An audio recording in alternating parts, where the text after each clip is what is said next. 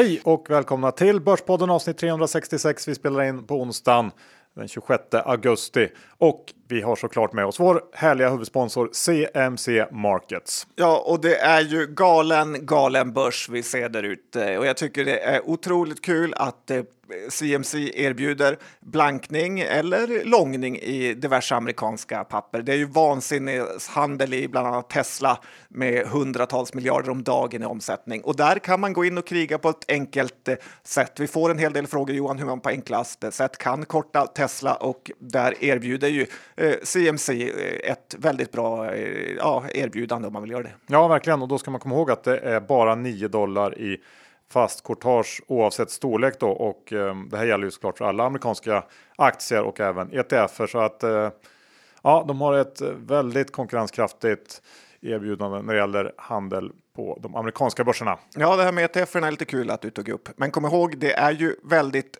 hög risk att ge sig in i blankningshandel. Men vill man så vill man och eh, så är det. Ja, idag blir det ett eh, bud attacker, IT-attacker, kupper. Ja, det blir det. Ja, och rapporter. Jag ja, inte säga så mycket mer tror jag. Nej, men jag tycker inte det. Nej, utan eh, vi ska snart köra igång. Men först. Vi är denna vecka sponsrade av det hemliga modeparadiset Best Secret som ju är en webbshop som är endast tillgänglig för medlemmar och som har ett enormt utbud av välkända varumärken där allting alltid är rabatterat med mellan 20 till 80 procent. Ja, och eh, anledningen till att det är lite hemligt är ju just att det är sådana helt sinnessjukt eh, låga priser på många eh, saker. Som du sa, upp till 80 procent på vissa. Du gillar ju förvisso Johan lite mer high-end märken. Jag brukar sortera på billigast, men du kan få så otroligt mycket för bara några hundra lappar. Ja, det finns någonting för alla.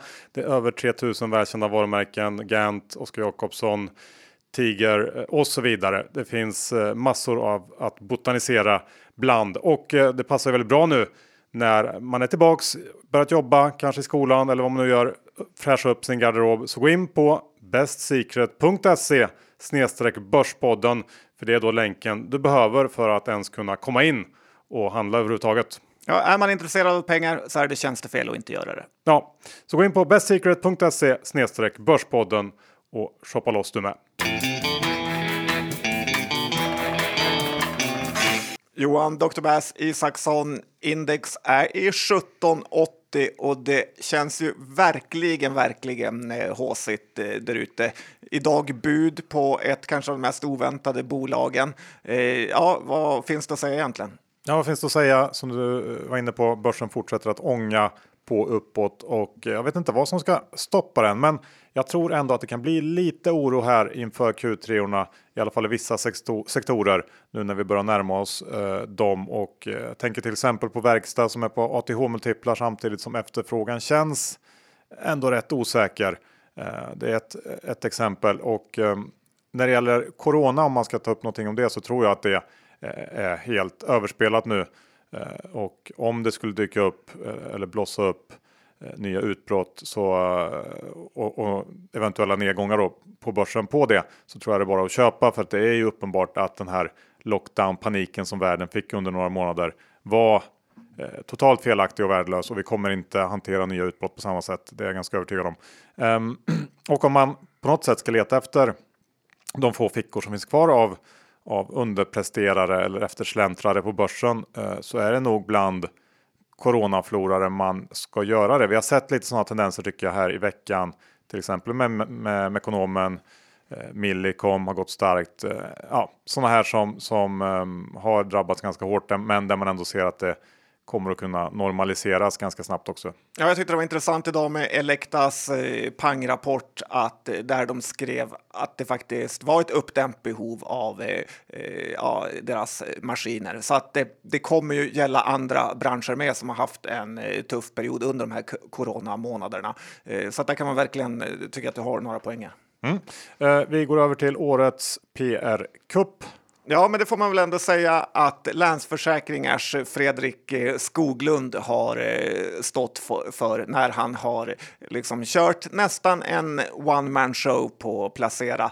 Han har varit med där så många gånger nu att man till slut trodde att han nästan jobbade där. Och eh, lite kan man ju förstå att det är omöjligt att sälja annonsplats på Placera när Fredrik Skoglund på Länsförsäkringar fått all uppmärksamhet. Eh, eh, eller så kanske han är den enda som har eh, tackat ja hela tiden, lex Jocke Bornhold.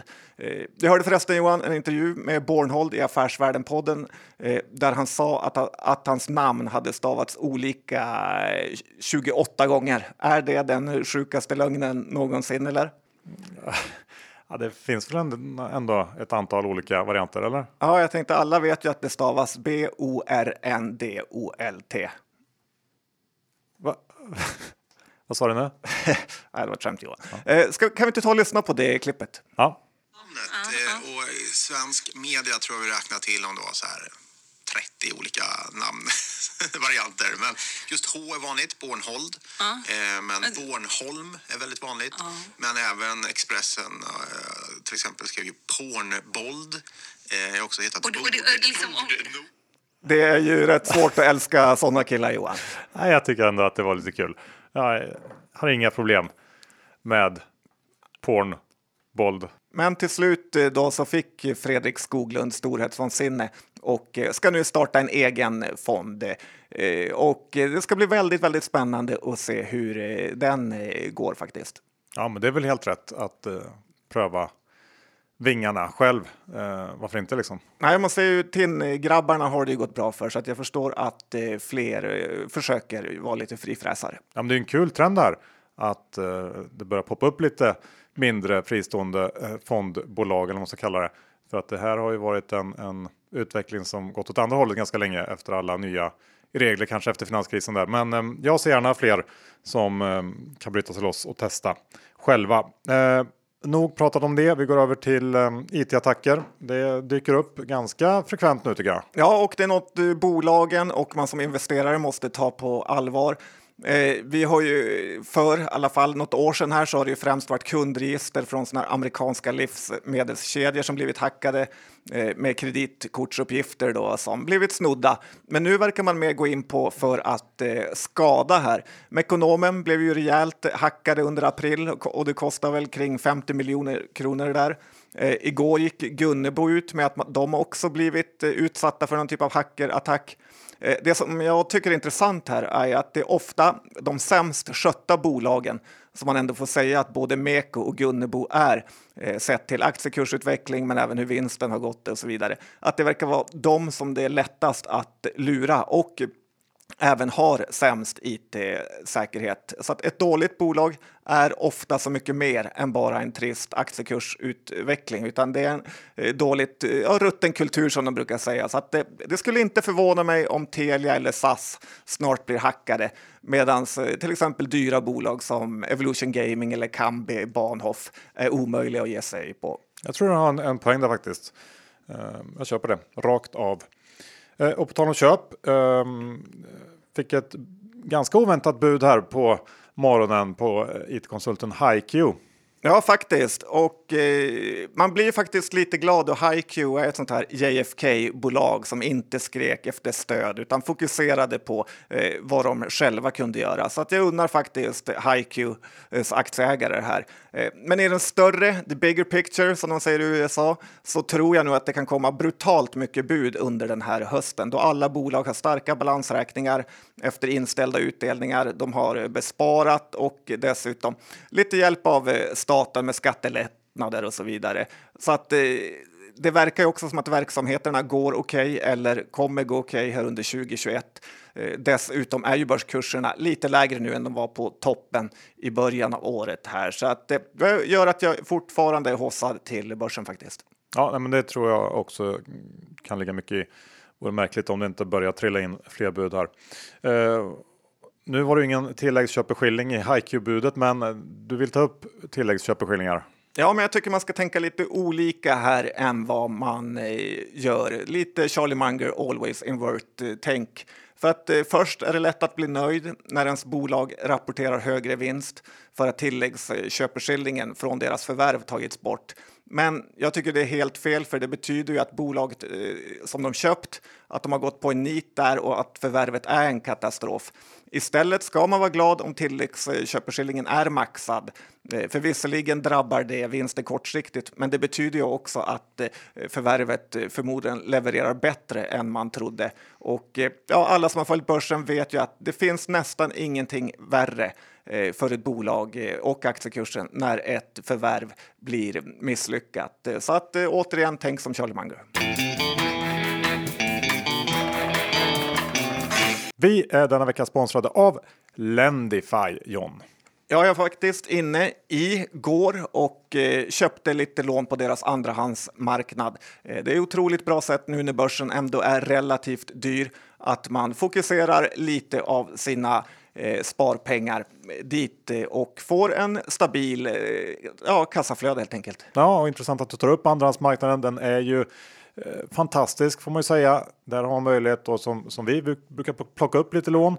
Eh, men vill man gå åt andra hållet och kanske sälja av något lån för att man eh, oväntat behöver pengarna så kan man göra det också så att man slipper sitta inlåst under hela löptiden. Så det ska man testa och vill man komma igång med ett Lendify sparande då går man med fördel in på vår länk lendify.se snedstreck Borspodden. För gör man det och stoppar in minst 20 000 kronor och investerar dem, då får man 500 kronor extra insatta på sitt konto och det är ju som vi brukar säga en väldigt bra start på ett Lendify sparande. Ja, få gratis luncher finns där ute, men där finns den. Ganska dyra luncher. Ja, tranan. Ja. Lendify.se snedstreck Bordspodden. John, jag tänkte att vi börjar med eh, Mekonomen eftersom det är ett case som jag har haft lite sådär eh, kört inför rapport och den rapporten kom ju i fredags var det väl?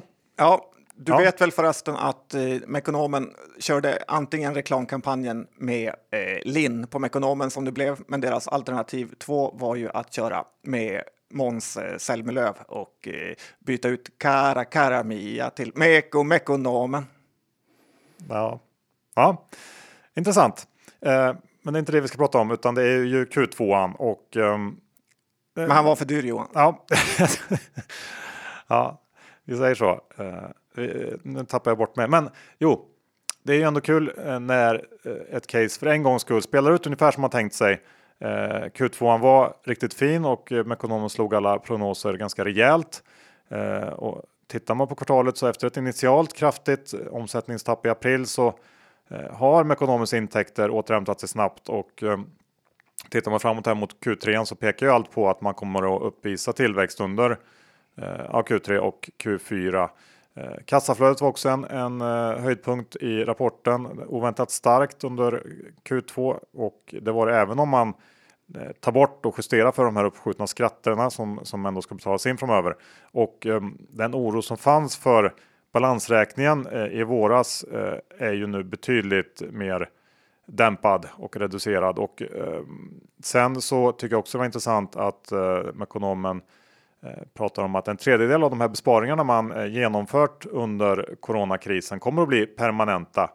Och ja, det här slitna uttrycket som du har tagit upp några gånger på slutet att man är ett starkare bolag efter krisen tror jag faktiskt stämmer i det här fallet. Ehm, och eh, jag är nog fortfarande inne också på att Mekonomen kan vara en, en lite sen coronavinnare eh, och att kommande kvartal blir, blir bra. Eh, aktien eh, är ju fortfarande ganska lågt värderad. Den kan säkert komma upp lite grann eh, framöver här, men jag har ändå tagit hem vinsten efter en ganska snabb resa från 70 till närmare 100 kronor. Eh, rätt eller fel får vi se, eh, men det är mycket möjligt att det kan uppstå nya lägen i den här aktien. Det brukar göra det då och då.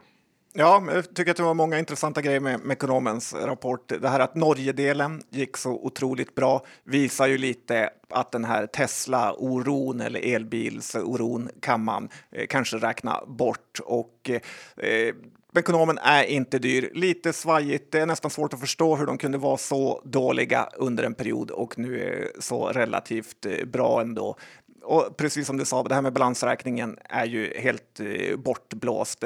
Det blir ju väldigt bra för ett bolag som har hög skuldsättning när man får igång vinsten, för då sjunker de här multiplarna ordentligt. Och, och med nollräntor så är man inte heller lika orolig för eh, skulden tycker jag. Så att, ja, jag gillar Mekonomen fortfarande. Mm. Och det ska man också tillägga, du var inne lite på det, men eh, bara om de lyckas prestera hyggligt nu några kvartal så, så kommer ju värderingen av den här aktien gå upp. Det ligger ju någon slags rabatt på Mekonomos aktier på grund av att de inte har levererat och har en tendens att komma med kallduschar då och då. Så att eh, bara lite stabilitet kommer att räcka långt tror jag i Mekonomos fall. Dessutom finns ju budchansen från LKQ ska man inte heller glömma bort, även om man har pratat om den i fem år. Ja, och de har väl lite grann missat den också. I alla fall den bästa eh, tajmingen har missat. Men men, vi går vidare. Eh, jag tänkte att jag vill höra lite om eh, Eh, Firefly som eh, ju du har eh, en lång historia i. Ja, faktiskt. Och det är ju ett av mina favoritbolag som alla bör känna till vid det här laget eh, som rapporterade. Och det var en ganska bra rapport tycker jag som visade på en stor orderstock vilket båda ju gott eh, för kommande kvartal, även om resultatet var minus främst på grund av eh, valutorna som gått emot dem och kanske lite svårigheter att leverera ut eh, saker till kunderna. Inga permitteringar eller statliga stöd var gjorda så att det blir man ju också lite stolt över. Eh, men jag blev lite orolig slash nojig när den här Polarbrödsfabriken i Älvsbyn brann ner.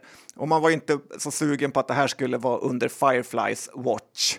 Så att jag ringde till vdn och snackade lite med honom och frågade om eh, det var så. Men han sa att om de hade haft Fireflies Bake Scan så hade det förmodligen bara blivit några brända frallor istället för den här katastrofen. Så att, eh, eh och så vidare sa han att tyvärr är det ju såna här saker som eh, när det händer eh, såna här stora bränder som gör att intresset för deras produkter ökar. Eh, för man vill skydda sig och inte hamna i samma läge som de har gjort. Eh, så att eh, Firefly har nu två år i rad tjänat tre spänn per aktie samtidigt som man har tagit alla kostnader för att växa över resultaträkningen med nettokassa. Så att eh, jag tänker fortsätta behålla mina aktier även om ingen annan verkar vara köpsugen. Mm. Uh, ja, vad ska jag säga om det? Det är kanske är rimligt även om det är svårt att bli jätteupphetsad. Uh, vill inte sno billigt och det är svårt att, att se någon. Man skulle vilja se att de liksom trampar igång lite grann på riktigt börja sälja lite mer. Men det jag tänkte fråga dig om var ju den här Bakescan. De har alltså en produkt som är utvecklad för eh, ja, vad ska man säga, industriell eh, bagerinäring. Ja. Okej. Okay. Det är bara att gå in på hemsidan och titta Johan så hittar du den. Och den går bra? Ja, det tror jag. I alla fall nu. Från och med nu gör den det. Hur funkar den då? Johan, ring, ring och prata lite med Lennart. Så. Det är som någon slags, ser om det ryker lite från något rostat bröd. Ja, det är ungefär som en ja. brandvarnare över brödrosten. Ja, coolt. Um, ska vi ta um, Railcare var länge sedan vi pratade om i podden. Det gamla järnvägsservicebolaget eller vad man ska säga. Ja, om Annie Lööf och Gustav Fridolin hade haft en hedgefond så hade Railcare varit eh, största innehavet. Ett bolag som åker runt och lagar räls i Sverige eh, men också i England och det är svårt att bli mer PK än så just nu. Eh, men i det här fallet håller jag faktiskt med om, eh, för Railcares rapport var ganska bra. Eh, Railcare har ju haft en tuff period bakom sig, men nu börjat få lite rullians och eh, sa ju också i rapporten att eh, orderboken ser riktigt bra ut inför hösten. Redeye har ju något typ av base case på 29 kronor såg jag och P-talet är kring 15-16 så att jag tycker det här verkar vara ett fint bolag med bra framtid och eh, kan man göra några kvartal här som är stabila med fina siffror så är det ändå hyfsat billigt eh, kan jag tycka. Jag förstår faktiskt inte riktigt varför aktien har gått ner på den här rapporten så att jag har köpt lite aktier. Eh, men det verkar finnas mycket säljare så att eh, ja, jag vet inte, lite en kul grej att ha i portföljen. Ja, man tycker ju att det här är ett bolag som borde gå hur bra som helst givet hur mycket det finns att fixa i Sveriges eller kring Sveriges järnvägar. Men eh, jag vet inte, det är ju alltid lite lurigt när man har ja, staten som kund på något sätt och att det är inte alltid marknadens, eh, marknaden som bestämmer liksom. Och, eh, ja, men visst, jag kan köpa att det finns intressanta drivkrafter bakom det bolaget. Jag tänkte ta upp en av de större positiva överraskningarna under den här rapportperioden, i alla fall för mig. Och då tänker jag på Kopparbergs som i förra veckan kom med en riktig monsterrapport får man säga. Eh, många andra bryggerier har haft det riktigt tufft. Eh, vi har ju sett en del vinstvarningar till och med och eh, jag tror både jag och marknaden förväntar sig ett betydligt sämre resultat från Kopparbergs än det faktiskt blev. Och uppenbarligen så har man lyckats kompensera för uteblivna intäkter från restauranger och pubbar och även turistmarknader med då ökad försäljning i butik. Och dessutom så har spritsatsningen nu på allvar börjat slå igenom i siffrorna. Eh, och tittar man på, på det första halvåret här sammantaget så levererar Kopparbergs ändå en omsättningsökning på 18% och ett ATH-resultat. Det är riktigt starkt får man säga. Vi har ju klagat på eh, bolaget under en eh, längre period här för att man stått och stampat omsättningsmässigt och inte riktigt lyckats med sina tillväxtsatsningar. Men får nog krypa till korset här och säga att vi var fel ute. Och efter succén med den här ginen som du har lynchat grundligt ehm, så har man också lanserat smaksatt rom nu i juni och det är möjligt att Kopparbergs har hittat något riktigt intressant i det här.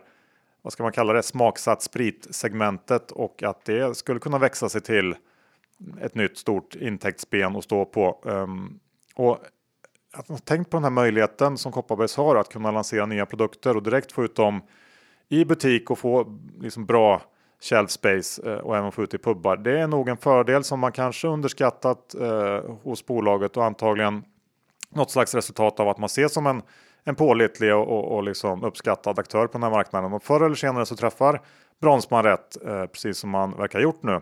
Eh, och med eh, tillväxten tillbaka så tror jag att den här aktien kan, kan ha en hel del till att ge faktiskt. Eh, jag har tvingat mig själv att bita i det sura äpplet och köpt eh, aktier efter rapporten. Trots den här mastiga uppgången som, som rapporten orsakade. Och ja, vad säger du? Nej, men det är lite självmordskänsla eftersom jag sålde jättemycket aktier just inför rapporten och också köpt tillbaka lite efter, så det var inte proffsigt gjort. Eh, lite svårt att förstå det här hur de kan vara coronavinnare egentligen när vi ser hur de andra bryggerierna haft det riktigt eh, tufft. Carlsberg var ner mycket på sin rapport. Heineken gick inte heller bra. Åbro har ju varit ute och pratat om hur dåligt det har gått. Så frågan om det kanske är negativt då att det öppnar upp, vilket låter helt omöjligt att det skulle vara, eh, kan jag tycka. Så det är lite svårt att förstå här också var, hur den här rapporten kunde bli eh, så bra faktiskt. Men eh, det verkar som att Kopparbergs ändå är ett bett att ha, för det är billigare än alla andra bryggerier och det finns egentligen ingen anledning eh, till det. Nej, det håller jag med om och eh, jag tror helt enkelt att det är så enkelt att de har ändå lyckats kompensera eh, bortfallet inom eh, pubbar och restauranger med försäljning i butik och ovanpå det så har spriten börjat eh, ja, ge resultat. Och sen så kan man väl också tillägga att jag tycker att, att Kopparbergs fått något slags kvitto på den marknadsposition, den starka marknadsposition man har när då kunderna som inte kunnat handla på puben ändå valt just Kopparbergs i butiken när man coronabunkrade. Så det är ju något slags eh, positiv signal tycker jag också. Ja, det är möjligt att de har tjänat mycket pengar på att de är liksom de som producerar andras öl på licens med, för de har ju många eh, okända sorter som eh, finns på Systembolaget. Eh, men, men, ja, jag ska inte säga mer. Nej, tycker jag inte att du ska heller, utan vi går över till Midsummer som ju är någon typ av Välj dina ord eh, noga nu Johan, för ja, ska... vår advokat eh, redan på oss. Ja, men det kan, man kan väl ha sina betänkligheter kanske kring det bolaget. Ja, men det här bolaget är extremt orolig för och alla deras aktieägare hur det här ska sluta. För det är, har så många ingredienser av uselhet att eh, eh, liksom, om man inte är helt säker eller tror jättehårt på det här så ska man hålla sig så långt borta eh, man kan. Midsummer, som man kanske hör, är ett eh, solcellsbolag vilket är ju en bransch som har lockat till sig många lycksökare i den här green tech, clean tech-boomen eh, som vi har sett. Eh, de har kinesiska ägare och eh, det kanske den värsta saken här är ju att deras största tillgångar i balansräkningen är något som de kallar för avtalstillgångar på hela 147 miljoner kronor. Och man kan ju fråga sig vad ens avtalstillgångar är. Eh, antingen så har man en orderstock eller så har man redan utfört den här ordern. Eh, så att jag tycker det är ytterst eh, märkligt. Och vi har ju faktiskt flera sådana här exempel på bolag som har eh, kollapsat. Till exempel Subaero, där det fanns rätt många liknande saker som i Midsummer. Det var hypade drönare, kinesiska orders och lite halvskumma ägare. Så att ja, Midsummer, ett av bolagen jag verkligen skulle hålla mig borta från. Ja, jag kunde inte hålla med dig mer på den punkten. Eh, stor stay away-varning säger vi där. Eh, och jag tänkte vi kan ta och um, binda ihop säcken när det gäller eh, spelbolag för både Levegas och Catena har kommit sen sist vi pratade rapporter och um, om vi lite snabbt ska dra dem så kom Levegas in med väldigt starka siffror för Q2. Framförallt var det resultatet som överraskade där 25-30 över förväntningarna och Eh, Leo Vegas presterar bra på i princip alla marknader förutom Norden där det är fortsatt tufft och eh, där har man inte heller sett samma corona boost som på många andra marknader. Men UK, där har man vänt utvecklingen eh, och i länder som Tyskland och Italien så ja, presterar man riktigt, riktigt starka siffror. Ehm, sen om man går över till den här viktiga delen i rapporten om inledningen av Q3 så var väl det i svagaste laget, intäkterna upp 5% i juli, eh, där bland annat de här nya insättningsreglerna i Sverige tyngde och eh, det har väl lite dämpat aktien. Lyfter man blicken lite så tycker jag fortsatt att Leo Vegas är en lågt värderad aktie, eh, antagligen för lågt värderad och eh, att det finns eh, mer att hämta här eh, om den bara får ja, hämta andan lite grann. Ja, faktiskt. Lite trist med den insynsförsäljningen vi såg bara här om dagen. Jag har hört dock att det är ju eh, ett eh, incitamentprogram som ska, folk ska köpa i eh, optioner och sånt och det är kanske därför det behövs eh, pengar. Så att nej, jag gillar också Leo Vegas, har ingen position där, men skulle kunna tänka mig. Yes. Och så har vi Catena Media eh, som släppte sin Q2. Den var i linje med den här omvända vinstvarningen som de redan hade gått ut med och fokus inför rapporten låg såklart även här då på den här trading updaten. Eh, Q3 hade startat med intäkter som var upp 7% i juli och här fanns det nog också en del förväntningar på en, en ännu högre siffra. Men eh, 7% räcker ju ändå mer än väl givet eh, den låga värderingen som Catena Media har. Och det är också tydligt att man har nu vänt eh, på utvecklingen i det här bolaget. Q2 var ett rekordkvartal och jag kan nog bara hålla i det här nu, fortsätta att leverera hyfsat stabila kvartalsrapporter så tror jag att det finns mer uppsida här också. Eh, nu har man också fixat till balansräkningen med sommarens nyemission och på tal om det så pågår ju just nu den här andra perioden och då man kan välja att utnyttja de varanter som gavs ut i samband med, med emissionen och om man planerar att använda sina varanter så se då till att inte betala med surt förvärvade cash utan använd möjligheten att lösa in hybriden på 100 istället. Det eh, ja, en no-brainer. Ja, det är väldigt konstigt att folk är så extremt dåligt insatta att man slösar bort sina hårt förvärvade pengar när det går att köpa 80% för hundralappen eh, kan man väl säga via den här hybridobligationen. Ja, den har väl kommit upp lite grann, kanske på 85 nu eller något sånt, men um, har man haft den ett tag så. Ja, men det indikerar att folk börjar fatta. Ja, ska vi avsluta med eh, ett av dina rapportspex kan man säga. Eh, Bahnhof. Ja, men det kan vi göra och det var ju en fin rapport.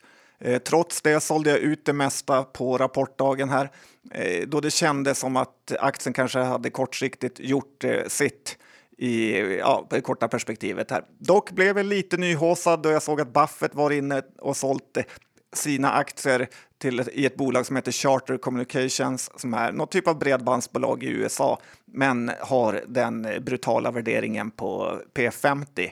Bahnhof ligger väl kring P25 skulle man säga och det ser väl ganska dyrt ut egentligen med så svenska perspektiv. Men det är extremt eh, stabilt och det här nya klimatet eh, så tycker jag att den ja, är i alla fall värd minst eh, det.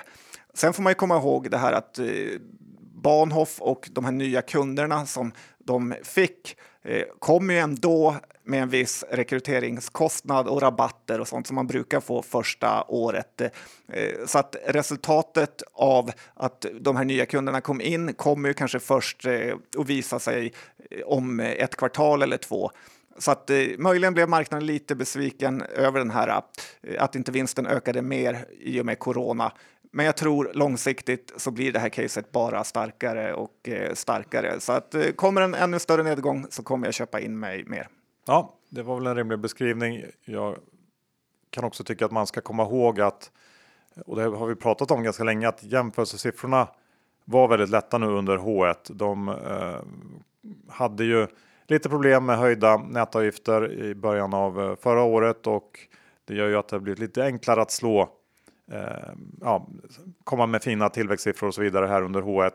Eh, men det kommer ju bli tuffare framöver och eh, om man vill ta upp något negativt så var det väl eh, nya prishöjningar som det pratades om från nätägare eh, och det var ju det då som var anledningen till marginaltappet här under förra förra året. Eh, det är väl antagligen någonting som Bahnhof kan hantera eh, och som inte ska påverka någon större utsträckning. Men, men ändå, aktien har gått starkt. Eh, de lätta kvartalen är, är liksom klara så att säga så att um, den känns ganska fullvärderad tycker jag kring ja, 33-34 eller vart den står. Ja, men det är rimliga argument eh, också. Slut på avsnitt 366. Vi tackar vår huvudsponsor CMC Markets. Se till nu att gå in eh, och öppna ett konto, ladda ner appen och testa. De har ju eh, ett fantastiskt erbjudande när det gäller just amerikanska aktier och ETFer eh, och såklart allt annat som man kan handla. Ja, och du får deras eh, morgonbrev om du signar upp dig. Och glöm bort, inte bort. Nej, det ska vi inte göra Johan. Best Secret. Eh, gå in på bestsecret.se börspodden eh, om ni vill få tillgång till det här hemliga modeparadiset för att till exempel då uppdatera höstgarderoben. Det är väl ett perfekt tillfälle just nu. Och John, sist men inte minst Lendify. Gå in på lendify.se börspodden eller Bordspodden ska det vara om ni vill ta del av den här gratis femhunkan som man får om man stoppar in minst 20 000 kronor och investerar dem. Bra att ha ett eh, sekundärt kassaflöde vid sidan av börsen. Ja, men jag kunde inte sagt det bättre själv. Nej, det kunde du inte. Och uh, vi ska avsluta med vår innehavsredovisning. Uh, jag har uh, Catena Media i form av varanter och hybridobligationen och jag har då också köpt uh, Kopparbergs efter rapporten. Ja, jag har lite Meko, lite Kopparbergs. Kambi nämnde jag snabbt, det har ju du också. Mm. Jag har Bahnhof, eh, Railcare och eh, Firefly. Det, ja, är vi nära toppen eller är jag eh, bara lite för aktiesugen? Ja. Det får vi se helt enkelt. Eh, tack för oss. Vi hörs om en vecka igen. Hej då! Det gör vi. Hej då!